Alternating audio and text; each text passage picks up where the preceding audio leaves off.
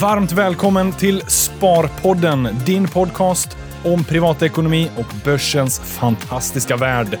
Varje onsdag ett nytt avsnitt. Häng med, för nu kör vi igång. Hallå, hallå allihopa och välkomna till Sparpodden avsnitt 252 med mig eh, Jocke Bornold och med eh, Alexander Gustafsson. Yes och en gäst. Ja, Ska vi göra en eh, presentation? en, en trumvirvel och så vidare. Och så är det så här. Riksdagsledamot över tio år. Så är det. Journalist, Dagens Industri.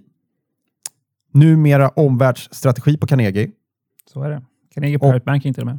till och med. Och eh, till råga på allt, förbannat trevlig också. Ja. Eh, det är jobbigt. Det är jobbigt man har allt tycker jag. Eh, Henrik von Sydow. Välkommen. Kul att vara här. Jättetrevligt. Första Läget? gången hos på Nordnet. Ja, hur känns det? Jättebra. Eh, måndag morgon, inte bara måndag, ny månad också. Nya Ja. möjligheter med det. Så Ja. att det är bra. Jag gillar den här tiden på året. Eh, hög, krispig Ja, det jag också. och fina dagar. Faktiskt. Ja. Eh, man har inte förstört så mycket än. Eh. Terminstartkänsla, Ja. det är bra. Mm. Ja. Det, det tycker jag många runt omkring mig också har, också investerare. Att det, jag Mm. skojar lite grann av det här med ny månad och nya möjligheter. Men ändå, det, det finns... sant. eh, många har energi inför hösten. Det är bra. ja, ja, men det, det, det, det är lite nystartkänsla i podden också. Ja, Vi har haft lite, det var lite flummigt här de sista veckorna, men nu är det skärpning. Nu har vi bra nu gäst. går vi in i eh, hösten. Nu ska vi prata politik. Ja, det skärpning. ja, det ska vi göra. Ja, men det är det och som- pengar. Ja. Ja, men det är verkligen det som är också på tapeten just nu, det, det politiska valet. Och vi ska återkomma lite till det där, för Mm. vi, eh, vi har mycket vi vill fråga ut dig om och vi vet att du har mycket insikter och tankar kring det. Men vi måste ju börja lite bara med eh, omvärldsstrateg på Carnegie. Vad, vad innebär det mer konkret? Vi funderar nästan varje dag, eller varje dag verkligen, och, eh, på tre stycken frågor. Eh, vad är det som händer i världen? Mm. Vilken framtid kan vi tro på? Och vad ska vi investera i? Och min uppgift till de där tankeprocesserna och arbetet är att eh, fylla på med händelser, Ja. datum och processer som vi tror kommer spela roll framåt. Så jag kikar lite grann på vad kan vara nästa stora händelse, vad kan vara nästa rubriker, vad, vad är det för um, event som kommer påverka investeringsklimatet och som spelar roll för våra kunders då, eh, finansiella intressen och våra kunders finansiella beslutsfattande. Mm. Och det, det ska vi försöka få med lite också mot Mm. slutet. Vad är de Datum är jätteviktiga för mig. Dat Ja. Ödesdatum. Oh.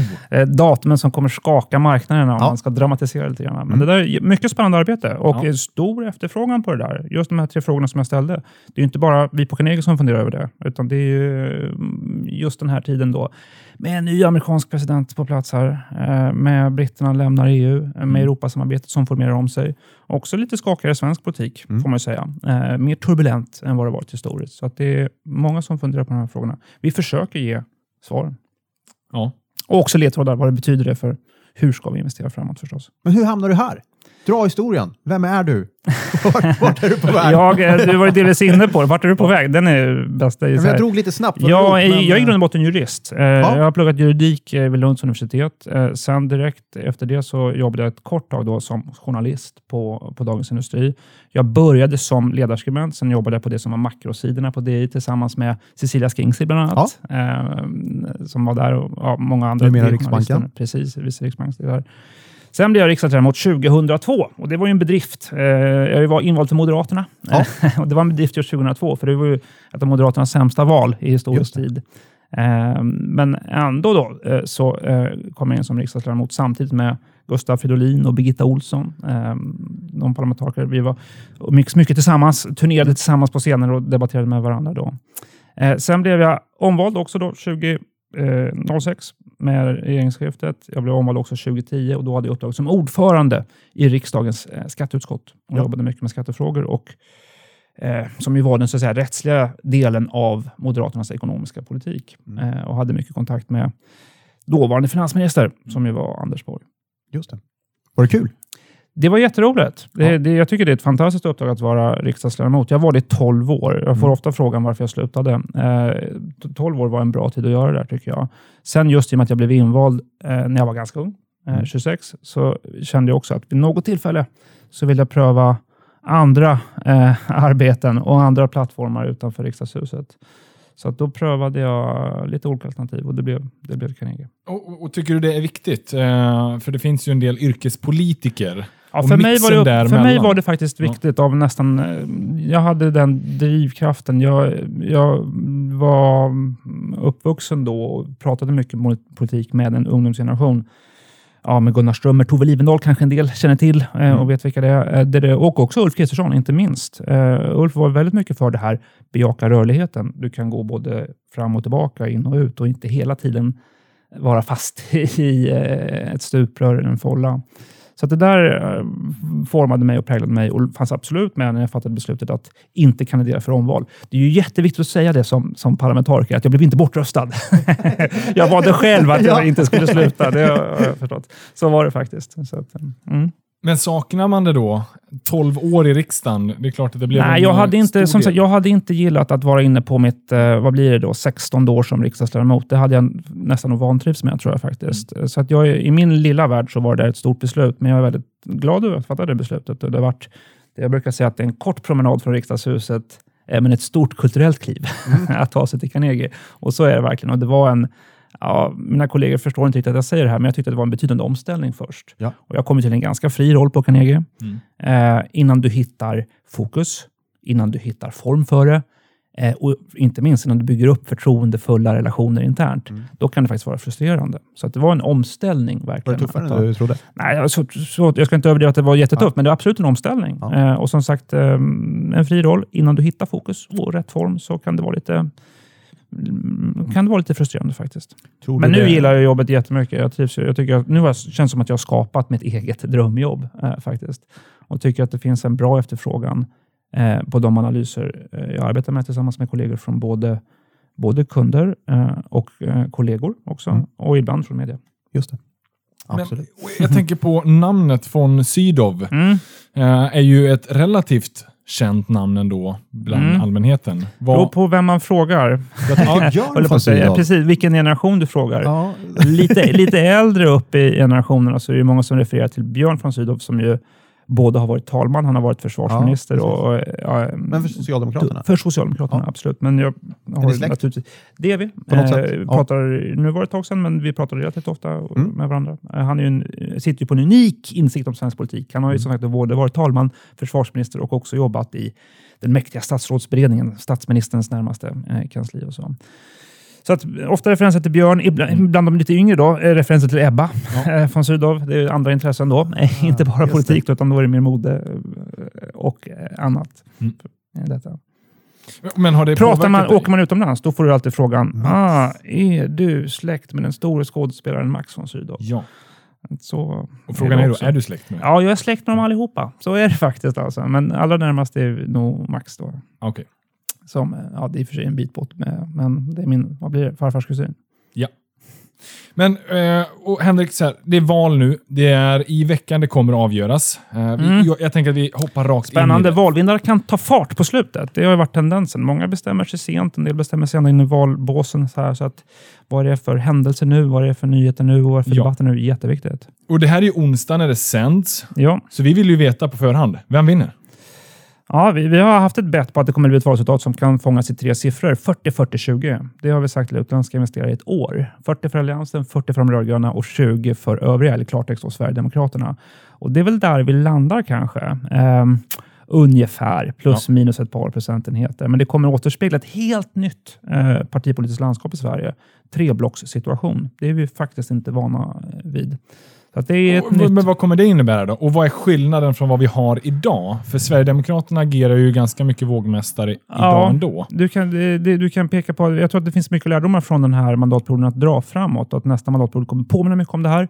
Där så att säga, liksom så här, eh, politisk turbulens kommer Mm. vara det nya normala. Och vi också kommer att se, inte osannolikt, då, nya konstellationer. Vi är ju i en miljö nu med nya konstellationer. Socialdemokrater och Miljöpartiet har ju aldrig suttit i regering tidigare. Sossarna har ju suttit i regering, eh, de är väldigt regeringsvana. Miljöpartiet har aldrig gjort det. De har aldrig suttit i regering tillsammans. En ny konstellation med ett stöd också då av Vänsterpartiet. Så det är på så vis en regeringskonstellation som vi inte har sett tidigare i, vår, eh, i Sveriges historia. Eh, vi kan mycket väl få något liknande eh, framåt. I den här miljön så är det då det är väldigt svårt med output. Det är väldigt svårt att få reformer på plats. Det sker händelser som att regeringens olika lagförslag eh, mer ofta än tidigare blir nedröstade i, i riksdagen. Kom mm. ihåg hur mandatperioden började. Mm. Då la eh, den nyvalda regeringen Löfven fram sin budgetproposition med all skattelagstiftning, alla utgifter på över 1200 eh, miljarder kronor i ett slag, i en omröstning i riksdagen. Eh, så vände ju Sverigedemokraterna på beskedet här och röstade med Alliansen Just. och regeringen Löfvens budget föll. Och det blev den här extravalhotet, om mm. ni kommer ihåg det. Jag kommer ja. ihåg, eh, John Cleese, den ja. brittiska komikern, var i Stockholm den fredagen, den veckan. Okay. Satt och skulle mysa hos Skavlan då på fredagskvällen och han frågade Åh, var har jag kommit? Jag skulle till Stockholm, jag kommit till Italien. Det är en italienisering ja. av svensk politik och någonting ligger i det där. Det det. Jag tycker inte att vi är i Italien, men vi har absolut dragen att så att säga så här, turbulens kommer bli en ny normalitet och turbulens är motsatsen till stabilitet och förutsägbarhet. Och Det där påverkar tyvärr då, så att säga, liksom så här, eh, investeringsklimatet och det, påverkar, det, det får återspeglingar på börsen också. Jag har ägnat mycket tid under de fyra åren jag varit på Carnegie nu att prata om eh, både för svenska investerare och för utländska investerare på Wall Street. Då, vad är riskerna med en vinstreglering över, över välfärdsbolag och liknande?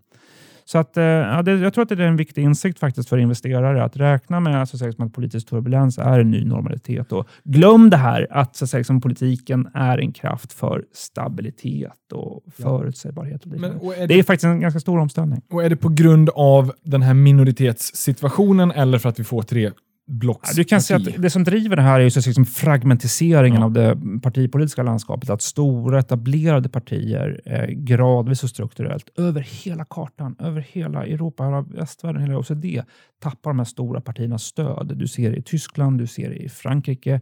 Eh, du ser mycket tydligt i Holland som, som påminner om, om det svenska valsystemet och, och, och liknande. Eh, Socialdemokrater och moderater tappar stöd. Och det där liksom, de kallas ju då, många om man lyssnar på statsvetare så pekar jag på att det här är partier då som är stabilisatorer. De mm. står för stabilitet och också kunskap och erfarenhet. De vet hur man gör reformer och liknande. När de partier tappar ehm, eh, stöd, ja då blir det mer turbulens. Och det blir just det här då, man måste söka nya konstellationer. Och söker nya konstellationer och kanske då bredare konstellationer, eh, då blir det också svårare att komma överens. Mm. eh, så output, jag tror att det där är viktiga saker. Lärdomar från den här mandatperioden. Nya konstellationer, det blir jättesvårt att göra saker. Svårt att, för, att leverera för, för politiken. Det som sätter agendan. Omvärldshändelser. Det är det som sätter agendan för politiken. En migrationskris. Politiken blir reaktiv på det. Då kan man, när problemen blir tillräckligt stora, när de så att säga är optiskt synbara för ja. väljarna också och de är akuta. De står på tröskeln. Vi måste göra någonting åt det. Då först förmår det politiska systemet att leverera och adressera och kan då också göra ganska kraftiga omsvängningar i policy. Men det krävs just detta. Mm. Det måste vara akut. Det måste vara optiskt synbart och det måste vara liksom väldigt stora problem i, i detta. Och det finns en um, fråga som uppenbarligen är där nu. Ja, exempel. Jag tycker också, Men, om du kan se det, just vi pratar, om vi pratar omvärld, så tycker jag att den förändrade geopolitiska situationen runt omkring ja. Sverige har varit tydlig under fyra år med så att säga, som ett allt mer eh, aggressivt Ryssland eh, som uppträder på olika sätt tydligt för oss. Det började med ubåtskränkningar faktiskt då, och sen eh, luftrumskränkningar och liknande. Det har också lett till konsekvens att vi nu är på väg att öka försvarsanslagen. Så det är viktigt. Vill du förstå vad, vad som faktiskt är output ur politiken, ja. då är det mycket de här händelserna som faktiskt sätter agendan mer än då partipolitiska program i en sån miljö. Men då gör man inte de här, då, då blir, det lite, då blir det ändå lite som Italien. Italien har ju en stökig eh, politisk situation alltid. Ja. Eh, men de har ju ändå en stor byråkratisk kvarn som bara mal på. Ja, absolut. Det där landet ja, drivs vidare, jag, men inga reformer. Jag, liksom. gillar, jag tror att Sverige, Sverige är inte Italien nu. Vi kan vara det 2022. Ja. Det kan vi vara. Men nu är vi fortfarande Tyskland, ja. om man förstår det rätt. Alltså. Och det som skiljer Sverige från Italien, vi har och Det är viktigt också. Det, det är en vanlig fråga jag får. Så att säga, liksom, hur, bedömer, eller hur bedömer vi på Carnegie så att säga, populism som en ekonomisk risk? Mm. Det finns massa motkrafter mot det i Sverige, ska man veta. Dels att vi har dels vårt valsystem. Det är inte liksom en folkomröstning med två alternativ mot varandra. Det är inte en amerikansk presidentval med Trump mot Clinton. Utan eh, de händelserna rymmer ju massor med risk. Mm. Eh, två alternativ mot varandra. Det blir oftast väldigt jämnt. Små majoriteter gör en väldigt stor skillnad. Det här är ju så säkert som ett, ett proportionerligt valsystem. Återigen, då, mer som det tyska eller det holländska. Ehm, Där så som det proportionella valsystemet, det är åtta partier, kanske nio partier som representerar i riksdagen. Det fungerar som en kudde mot så säga, extremism. Man måste kompromissa i mitten och liknande. Så val, vårt valsystem rymmer mycket mindre risk. Sen har vi ju starka institutioner i Sverige. Det är, så, vad säger man, high trust society, ja. low corruption. Eh, tveklöst, alla vet om det här. Vi har liksom starka eh, statsfinanser. Eh, vi har en låg offentlig skuldsättning. Det där är jätteviktigt. Det drar ner så att säga, liksom, risken med eh, ja, extremistpartier både till höger och vänster. faktiskt. Alltså. Så det där spelar roll. Vi brukar, ja, eh, det finns ju kommer ut väldigt bra när man bedömer hur svenska staten funkar, trots allt, även om det brister. Probably the best governed countries in the world, ja. som ekonomisten eh, skrev för, för, ett par år sedan. Den där eh, pekar vi på ibland och det finns gott om underlag som stärker det där. Mm. Den bilden blir lite ifrågasatt ibland. Mm. det finns ju ett nytt och eh, mer negativt narrativ om Sverige som du ja. möter på Wall Street och eh, utländska investerare, som handlar just om bilbränder kanske, eller migrationsproblem. Um, eller ibland Nobelstiftelsen och mm. skandaler där. Just det. Men, de Men det är ju, ändå, vi har ju ändå den stora tryggheten kvar och vi har ändå de stora Jo, absolut. Alltså det starka offentliga finanser är viktigt, ja. så att säga. Eh, att vi har starka institutioner och att det finns en väldig tillit till det finanspolitiska ramverket. Det där är jätteviktigt. Det kanske ändå gör att vi inte... Vad som Nej, saknas blir ju reformerna då, att man inte inte gör de stora reformerna därför att det ja, finns det liksom tror jag, det tror jag. att det blir urvattnat. Jag tror om man ska prata riskbilder då, nu, nu, som ni hör hur jag resonerar här, jag, jag tycker att populism som, som ekonomisk risk är relativt sett eh, låg och relativt sett begränsat i Sverige om man jämför med andra länder. Eh, riskerna finns ju då, eh, precis det du är inne på, eh, att du har en oförmåga att göra reformer som gör att svensk ekonomi fungerar bättre och att vi på medellång eller längre sikt eh, får en starkare tillväxt och större vinster för, för, för bolagen här och nya bolag som växer upp. Det är risken. Det finns också en risk, att säga, ja, man kan väl säga så här, jordbävningsscenariot finns i allra högsta grad. Eh, mm. Tittar man på en del opinionsmätningar så är SD största parti. SD på 24, S på 21, M på 15 eh, såg jag i en mätning nu. Det där är ju ett ja. jordbävningsscenario. Det där kommer ju skapa rubriker utomlands på ja, söndag kväll eller på måndag morgon. Då. Eh, och Det kommer gå in i utländska bankers nyhetsbrev och det kan driva en, eh, ja, det kan driva en viss volatilitet. Vi har ju redan sett det där i kronan. Ska mm. man säga så här. Jag märker ju överhuvudtaget så säga, så hur intresset från eh, utländska investerare, jag har ju svårt att jämföra historiskt, men kollegorna pekar på det, det har väl aldrig varit större eh, nu än vad det har varit tidigare. Och det där skil, många pekar på historiskt sett så, så blir det inte stora rörelser på Stockholmsbörsen. Det blir inte stora rörelser i vår valuta kring en valhändelse. Det är helt korrekt. Det som möjligen skiljer då från, jämfört med tidigare, det är då att det är både ett, ett, ett större uppmärksamhet på valhändelsen och eh, också en större osäkerhet drivet av att eh, du har ett högerpopulistiskt parti på, på 20 procent. Det är relativt stort om du jämför med andra högerpopulistiska partier runt ja. om i Europa så ligger de på höga nivåer. Men jag måste ändå bara ställa frågan, är det en upplevd risk eller är det en reell risk? risk? Ja, det, för, vad är rubrikrisken ändå... i detta? Så att säga, sådär. Ja, ja men det är alltså, det jag alltså, menar. Ja. För, för visst, säg nu att Sverigedemokraterna blir största partiet, ja. då kommer det få rubriker. Men om vi har den här låspositionen ändå, ja. där att det inte sker så mycket ja. reformer. Nej. Borde inte det ändå tala positivt för Ja, du kan säga ekonomin? att det, det, det, låsposition, så att det är svårt att göra reformer, långsiktigt dilemma, absolut. Det kortsiktiga dödläget, ja. eh, det, det, det kan vara rejält besvärligt om du så att säga, förenar en politisk situation i Sverige under hösten där du eh, dels då får svårt att få en regering på plats kanske. Ett, väldigt, ett Sverigedemokraterna som ligger högt över 20 skulle kunna blockera eh, många olika konstellationer. Du får inte en regering på plats och eller den regeringen har en eh, bristande beslutskapacitet. Man kan inte fatta beslut om budgeten exempelvis. Mm.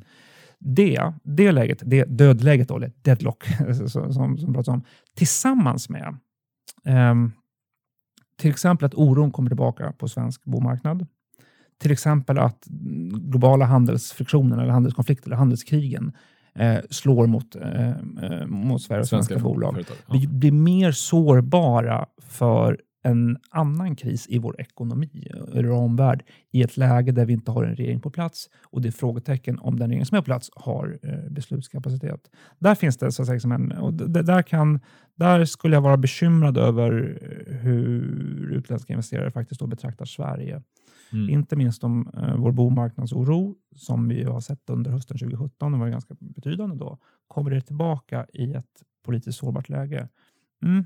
Det tycker jag är faktiskt ett besvärligt scenario. Ja, men det är, Där är vi ju inte än. Där Nej. är vi ju inte än på kommer det sätt. gå? Men... Hur blir det? Hur går det på söndag? Ja, jag, delvis sa jag 40-40-20. Så här. Ja, jag, tycker det är intressant. Jag, tycker 40-40-20? intressant. jag tycker faktiskt att det är intressant att titta på oddsen. Eh, Mm. Vi brukar göra det med investerare för att få siffror för att starta samtalen. De Ja. är inte exakt rätt och sådär. Jag, jag skulle säga, om jag blev, i fredags på vårt morgonmöte så, så var jag ombedd ge ett basscenario. Det, nu, Och vi pratar spelbolagsoddsen. Ja, spelbolag. Det finns många på det där. Det är många som spelar också, förstår jag, när jag gjorde research på det där. Eh, men ska man kalibrera ett scenario? Ja, det är ju flera händelser. Alltså, eller så här, det, det, eh, oddsen pekar ganska tydligt på att eh, Ulf Kristersson blir statsminister och att det är en alliansregering som, som stöder honom. då. En alliansregering, eller en mindre alliansregering, ska sägas då i detta. Eh, det- vilken roll spelar Sverigedemokraterna i den? Ja, eh, det, det skulle jag säga att det kommer ju senare. Skulle jag, säga, jag, jag delar faktiskt oddsättarnas bedömning. Om jag då några dagar före valet ska, Ja. ska, ska forceras ha fram någon form av bett och basscenario på det här. Jag tror att Stefan Löfven kommer bli bortröstad som statsminister. Ulf Kristersson eh, blir istället vald som statsminister. Eh, och på temat alla säger att det är osäkert. Jag tycker mycket, mycket pekar mot just precis det scenariot. Det osäkerheten sen består i, om vi ska sortera det, så är det just det här om beslutskapaciteten. Kan Ulf Kristersson och en alliansregering få igenom sin budget? Och där skulle jag säga så här, det är mycket osäkert hur Sverigedemokraterna faktiskt uppträder eh, efter valdagen och inför ett sådant beslut. Det vet de sannolikt inte själva än. Sverigedemokraterna sitter ju på någonting som är mycket mäktigt. De sitter på kaoskortet. Eh, de har ju så att säga liksom haft en eh, parlamentarisk strategi som jag skulle säga bygger på tre delar. Det är att säga till andra partier, vi finns här, vi representerar väljare. Det är det första. Det andra är, tala med oss, förhandla med oss. Vi vill ha betalt, vi vill göra överenskommelser. Det tredje är, gör ni inte detta, ja då kommer osäkerheten. Då kan vi spela kaoskortet, som man gjorde då eh, hösten 2014 och som du har gjort vid en del andra voteringar under, under mandatperioden. Hur de uppträder eh, i ett scenario där Ulf Kristersson blir statsminister och det blir en alliansregering på plats, hur de uppträder inför ett eh, eh, budgetbeslut, det, det är osäkert. Ja. och då är det en osäkerhet som vi då får leva med Ja. under hösten. Så att säga. Det, Är det otänkbart fram- att Socialdemokraterna skulle stödja en alliansregering bara för att slippa Jag skulle göra att ta sitt ansvar? Jag skulle göra inte- bedömningen om S nu ligger på... Det är många partier som kommer att vara destruktiva efter Mm. valet. Inte minst det största, stora socialdemokratiska partiet. Då, om de får ett valresultat som ligger på ja, 25 eller till och med under 25 procent. Det kommer inte göra dem som mest konstruktiva. Tvärtom kommer de nog ha ett uppträdande som gör det i varje läge så svårt som möjligt för en ny regering att till exempel få igenom sin budget. Som sagt, det där är väl beslut som fattas efteråt. Vi är lite långt framme nu och Ja. spekulerar då. Men, Det är kul att spekulera. Men, men, men, men, Blir jag Stefan Löfven kvar, tror du? Ja, det nu, det är mindre relevant, ärligt talat mindre relevant ur ett investerarperspektiv. Spelar möjligen roll vem som blir finansminister då, om Magdalena Andersson skulle bli statsminister, men det, det spelar ärligt talat mindre roll ur ett investerarperspektiv. Jag tror nog att han kommer låta sig röstas bort. Jag tror att det är viktigt för Socialdemokraterna att faktiskt bli bortröstade Mm. eh, av Alliansen tillsammans med Sverigedemokraterna. Den där ehm, just bildsättningen. Ja. Att det var Alliansen plus Sverigedemokraterna som röstade bort Stefan Löfven tror jag är viktigt mm, för dem. Men ja, vi blir lite spekulerande här i detta. Men är ska man, ska, jag tror att det finns en viktig sak. Ska man i det här läget då ändå ha någon form av basscenario? Ja, mycket talar för att Löfven blir bortröstad. Ja, mycket talar för att Ulf Kristersson blir statsminister. Precis som Oddsen säger, osäkerheten kommer sen bestå om man får inom sin budget. Och nyckeln på det där, Mm. ja, det sitter i Sverigedemokraterna och det är osäkert hur de kommer uppträda. Ska man förstå Sverigedemokraternas drivkrafter nu, vad ska man titta på nu? En viktig faktor. Vilka väljare vinner de? Om de, om de, väx, de kommer växa. Vad gör de själva för analys av vilka väljare de har tagit? Kommer de från Moderaterna eller kommer de från Socialdemokraterna? Är det borgerliga eller vänsterifrån de kommer? Det tror jag kommer avgöra många av deras egna vägval, inte minst i ekonomisk-politiska frågor framåt. De vill ju gärna, då, känner de att de har vuxit, då vill de ganska tidigt leverera för nya väljargrupper som har kommit till dem. Jag tycker Sverigedemokraterna är omogna i ekonomisk-politiska frågor. De lägger sig oftast väldigt nära oppositionen. Ehm, de har inte en särskilt utvecklad ekonomisk politik. Eh, Den kommer att styras av så att liksom så här, vad, vad gör man själva för analys av vilka väljare man har vuxit med. Känns som det de blir förstås nyckeln någonstans här, men tror du att de har valt att många gånger har man ju tolkat att de ligger nära oppositionen nu Mm. som att de har en politik som ligger närmare alliansens. Men trodde det handlar mer om att man vill ligga på oppositionssidan. Absolut. Att man lika gärna kan vända. Och, Här har jag viss egen erfarenhet av dem. Då, så det är Ja. uppenbart att under den här mandatperioden så har de ekonomisk-politiska frågor lagt sig nära Moderaterna. Ja. Bara då den förra mandatperioden så låg det ju eh, väldigt nära Socialdemokraterna i skattepolitik och stoppade ett par skattesänkningar som alliansregeringen la fram. De, de låg absolut, och gör det fortfarande tycker jag nog faktiskt, alltså nära LO i Ja. arbetsmarknadsfrågor. Har nästan en Okej. retorik som är väldigt nära LO i detta. Mm.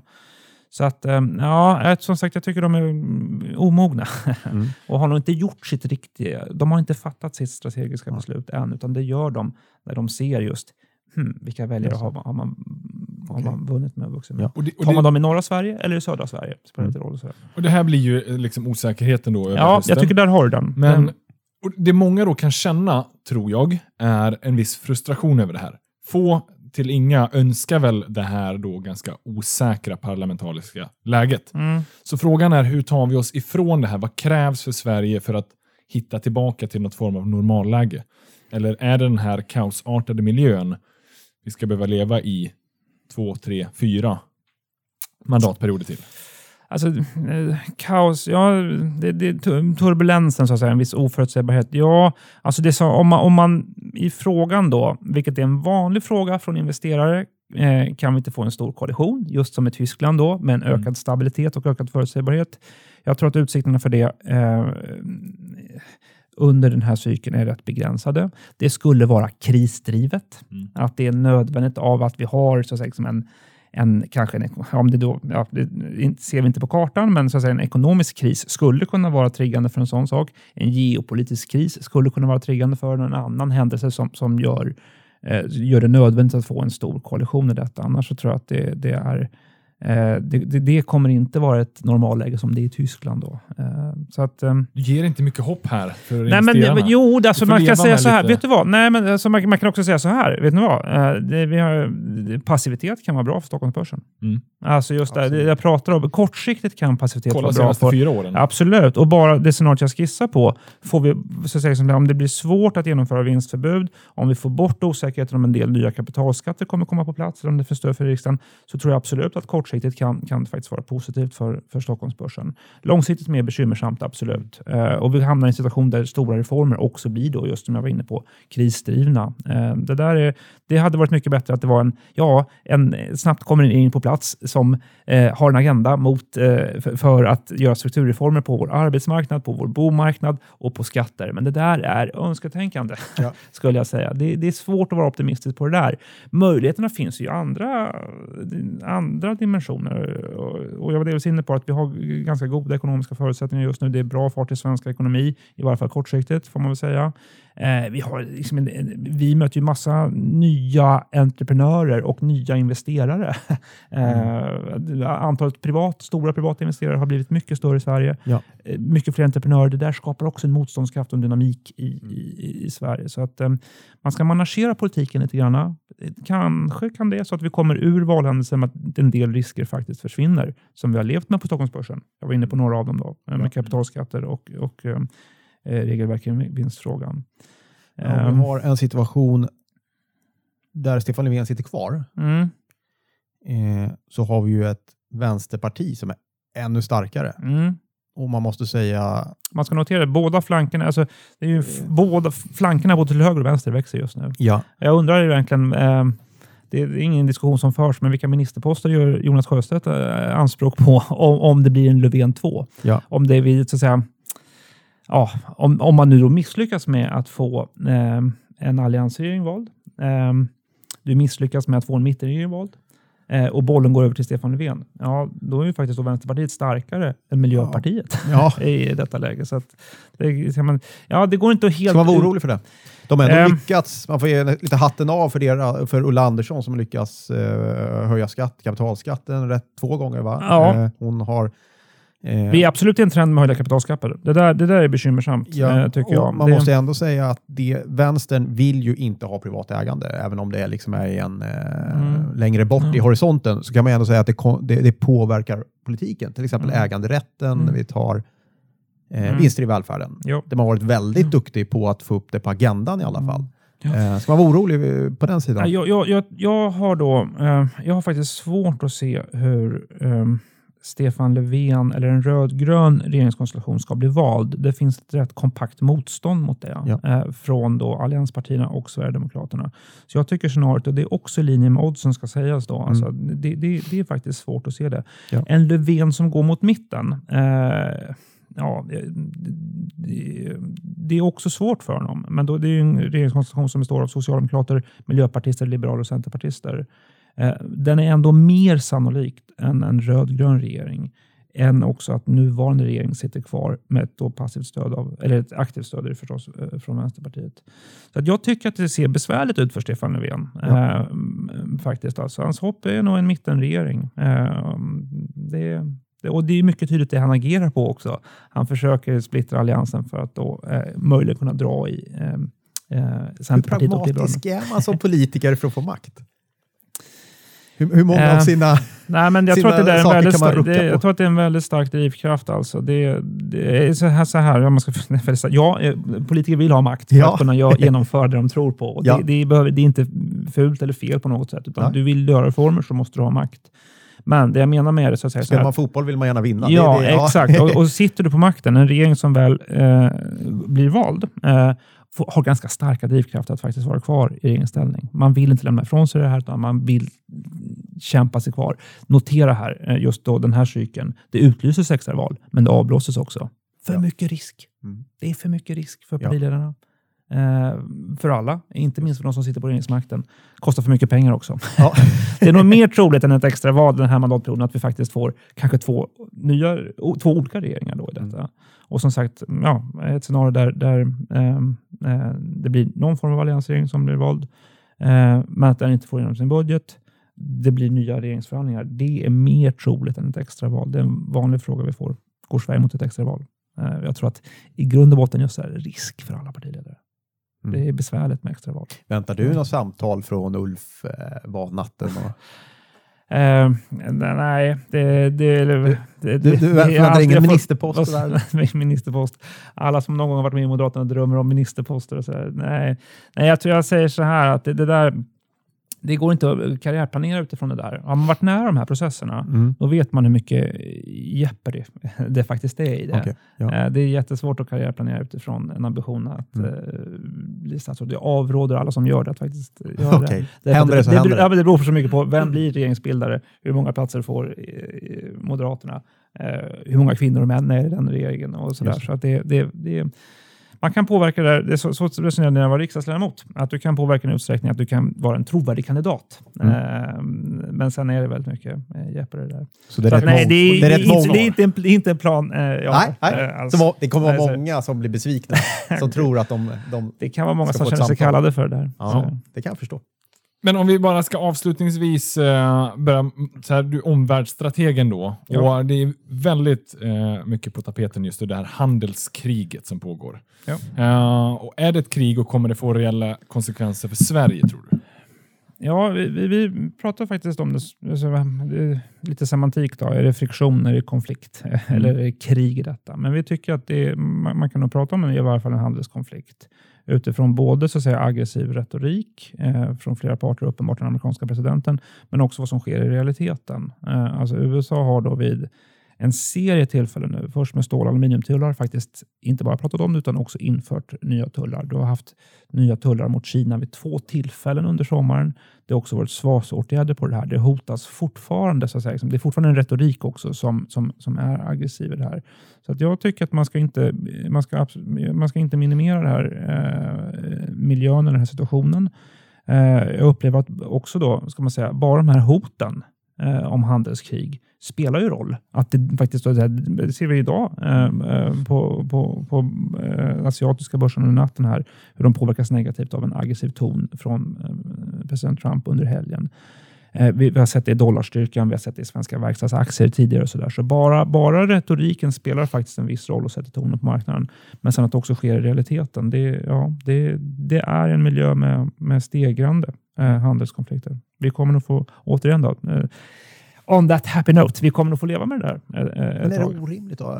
USAs dominans efter andra världskriget det är ju inte riktigt där längre, eller ja, med Kina som vuxit upp, eh, men också hela kan emerging markets som har liksom Ja, lyft, lyft sig. Eh, Absolut. och vi har ett Europa som också är rätt starkt på många sätt. Ja, med Eh, ekonomisk makt har förskjutit österut och alltihopa där. Man kan absolut prata, det är väl en eh, ja, ytterst legitim fråga hur man vilka WTO-regler man har och liknande. ja, Men jag tycker det är väldigt bekymmersamt just att det som ändå fortfarande är världens största ekonomi, Ja. som inte minst Sverige är extremt beroende av, att det är just de som har blivit protektionistiska och Mm. leder den här handelskonflikten och upptrappningen av det. Det tycker jag är bekymmersamt i en tid just då när världsekonomin ändå är mer sammansvetsad än vad vi någonsin Mm. tidigare har varit. Eh, Du kan ha lite balanserat. Jag, vet, eh, jag har lyssnat på er tidigare. Jag vet, eh, ni undrar vilken effekt har det här, att säga, eller hur mycket det handlar om. Eh, Det, det som man behöver nyansera i diskussionen är att det, det blir väldigt mycket rubriker av detta. Det ska Mm. man verkligen veta. Det sker också handelsfrämjande åtgärder. Det är en Mm. intressant respons tycker jag på Trump, att, att EU mot asiatiska länder har steppat upp arbetet med eh, frihandelsavtal och Ja. också tekniska handelsbefrämjande åtgärder. Det får mycket mindre rubriker än, än vad Trump Exakt, det får. som... Och absolut, och det är fortfarande så här, det är fortfarande så att det är tillväxt i, i världshandeln, verkligen. Det är ju inte så att Ja, globaliseringen handla, liksom. reverseras, så att säga. Det går tillbaka. Däremot kanske tillväxttakten dämpas något i idag. Mm. Eh, så att man behöver balansera båda, båda aspekterna. Det sker också andra saker som är positiva som inte alls får de här rubrikerna. Samtidigt, eh, ja, vi, vi ser en mycket tuff, en retorik och en realitet som jag tycker är, det är ett handelskrig. Du Eh, låter är där. bekymrad. Men har vi för... Ja, bekymrad. Det finns mycket som är hoppfullt också, ska man säga. Ja. Ja. Världsekonomin Där växer har och vi en alltihopa där. svensk eh, politiker, vad, vad heter, Cecilia Malmström. Ja. hon är mitt i Hälsosamcentrum. som gör ett helt eh, fantastiskt jobb. Ja, hon har mycket att eh, göra, absolut. Ja, men, är eh, det, och det är vår EU-kommissionär. Hon jobbar i Bryssel. Då. Eh, Hon har tidigare varit EU-minister i Sverige och handelsminister i Sverige. Var hon också. Eh, Men som jobbar nu då med, med handelsfrågor Mitt i EU-kommissionen. Hon sitter mitt i smeten, absolut. Hon har möten med Trump i, Ja. i Vita huset. Eh, Så att, eh, Det är häftigt. Det, Mm. Ja, och det är bra att det är en svensk, eh, får Ja. man säga, på den. eh, Kan Sverige gynnas på något sätt att vi är så här helt... Eh, Ja. Ericsson gynnas ju lite grann av att Kina och USA bråkar till absolut. exempel. Eh, Jag tror att det viss- där, ja exakt, nu är inne på vi är en liten neutral nation som ingen bryr sig om. vi är ofarliga. Vi, vi har väldigt stora intressen i det här. Ja. Så är det verkligen. Vi har väldigt stora intressen i det här. Många länder har stora intressen i det också. Eh, Alltså, tyska intressen skiljer sig från Ja. franska och liknande, så det finns absolut nationella agendor i handelspolitiken. Eh, ja, nej, jag tror att det är mycket viktigt att man har en sån frihandelsvän som Cecilia Malmström eh, på, på plats. Här, detta. Ja. Men sen bara på vad man ska titta på nu. Titta inte bara på tullar. Alltså, det är mycket som kommer från USA som handlar om ekonomisk nationalism. Alltså, Ja. det, det, sommaren har ju handlat om sanktioner eh, Mm. mot, mot Ryssland, mot Iran och mot Turkiet. Ja. Eh, på temat Turkiet, titta på hur USA betedde sig där. Eh, när vi gick, just var på väg mot en emerging market-kris i det närmaste, så valde USA att eskalera detta. Mm. Historiskt skulle jag säga. Att USA i ett läge där vi går mot en allvarlig ekonomisk kris som har spridningseffekter väljer att vara pådrivande, inte dämpande. Men så säga, me- mer ekonomisk nationalism, mer sanktioner. Eh, hela diskussionen eh, som ju har påverkat också Ericsson om en ökad politisering av investeringsbeslut. Mm. Eh, att man testar kinesiska investeringsbeslut. Sammantaget, även om det där delvis kan vara gynnsamt för Ericsson, då, så sammantaget så är det ju rätt mycket som läggs på global tillväxt. Alltså. Mm. Och det där tror jag att det finns, det, det, det ska man som investerare absolut vara vaksam på. Och det har stora intressen för, eh, för Sverige och för, för också våra stora Ja. bolag förstås. Ska vi avsluta med en liten fråga Det kan vi göra. som är väldigt lätt att svara på, men det skulle vara intressant att höra vad du tycker. Ja. Svexit eller euro? Åh, vilken liten Vet du vad? fråga. Det där är faktiskt en vanlig uh, på temat att vara ut. eh, det- Ibland, jag gör flera referenser till utländska investerare. Det beror på att de har ibland störst intresse för det här jämfört med svenska. De som är längst från händelsen. Mm. Eh, om jag skulle välja, absolut, då skulle jag välja euro i Mm. detta. Inte en Swexit-anhängare då. Eh, jag tror att det är en mycket låg risk på båda. Ehm, Vi blir kvar här. Vi kommer bli kvar här, absolut. Med allt mindre Ja. inflytande i EU. Sve- leder ju Swexit, det Swexit till. kan väl möjligen vara en bubblare under nästa mandatperiod om det är så att både Sverigedemokraterna och just Vänsterpartiet växer och får tillsammans Ja. då kanske en tredjedel av alla riksdagens ledamöter. Och om britterna får ordning på sin, från sin exitprocess, då kan det möjligen vara en bubblare.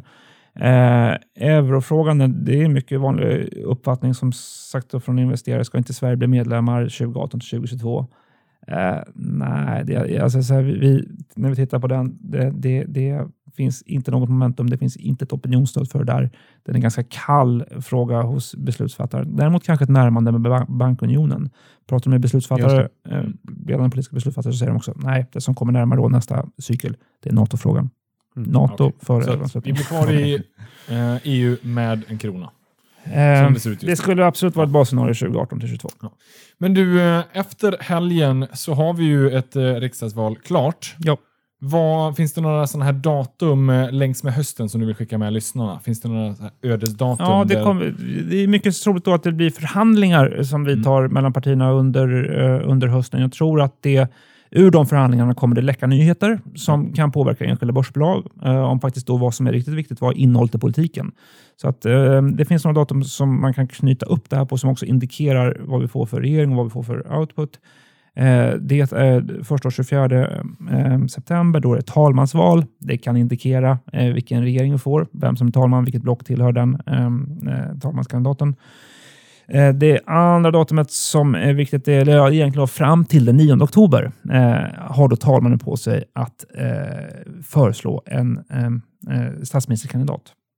Det ska vara en statsministeromröstning. Jag tror att 15 november är viktigt. Då ska också en statsbudget presenteras. Senast den 15 november, oavsett om vi har en egen på plats eller inte. Sen, ja, nu får ni vara uthålliga då, för det kan bli en del politik under Mm. hösten här.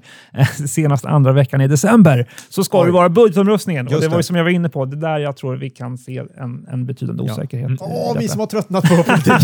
ja, men det, det, är så, det, är det, där, är det, men det är så faktiskt förra statsministern fick Reinfeldt ofta säga att liksom just valår och, och politik det kan vara ett maratonlopp. Du måste nästan vara tränad som en elitidrottsman inför en valrörelse. Det är liksom krävande. Vinner du, vinner du valet och tar makten och blir statsminister, ja men grattis, då börjar ett nytt maratonlopp. Ja. Det är belöningen. Du får springa en, en ny runda.